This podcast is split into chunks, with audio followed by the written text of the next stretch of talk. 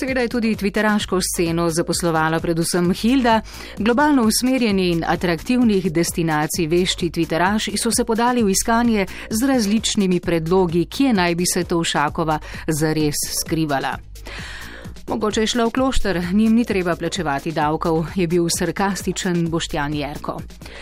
Če ima Hilda še vedno oblečeno isto vetrovko, sledenje s helikopterjem ne bi smelo delati prehudih težav, pa je na iskalne akcije odgovarjala Nina, ki je merila na roza anorak, s katerim se je Hilda pojavila na največ fotografijah v zadnjih tednih in dneh.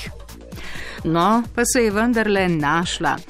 Na veliko presenečenje vseh se je izkazalo, da je Hilda ostala kar doma. Miha pravi, da še Sintalovec zmore dlje.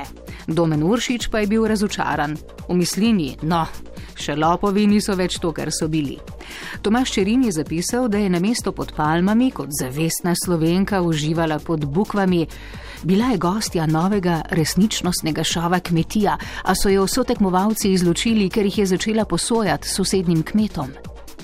Peročak še ugotavljal, da je Hilda mati slovenskega couchsurfinga. Peter Svetina pa je po smeh špekulacijam, kje vse naj bi se skrivala obtoženka, spisal nov turistični slogan: Nova turistična atrakcija. Kenijski safari v mislini. No, pa se je Hilda vendarle predala. Zmago pa si je samo oklicala tudi naša policija. Dajmo, vsi pomagajmo naši policiji k uspešnosti. Jaz se grem danes prijaviti, ker sem prejšnji teden na robe parkiral, je samohvalo policije in ministra Viranta komentiral Pikl. Ironija je, da je Hilda doslej storila največ za kvaliteto našega pravosodja, je ugotovil Silvestr Mlakar. Istok Štefanec pa je pridal, da ko Hilda izjavi, da je žalostno, kar se dogaja, je to še en učbeniški primer ironije.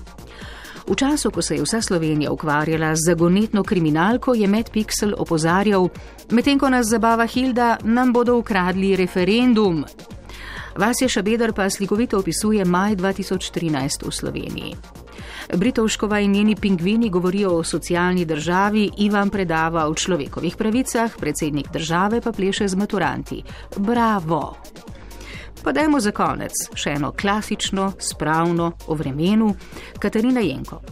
Če je kaj pravice na tem svetu, bi mi moralo zdaj le biti vroče. Pa imam gor termoštumfe in me zebe. Ampak, ker pravice ni, bomo očitno v začetku junija imeli čisto pravi april.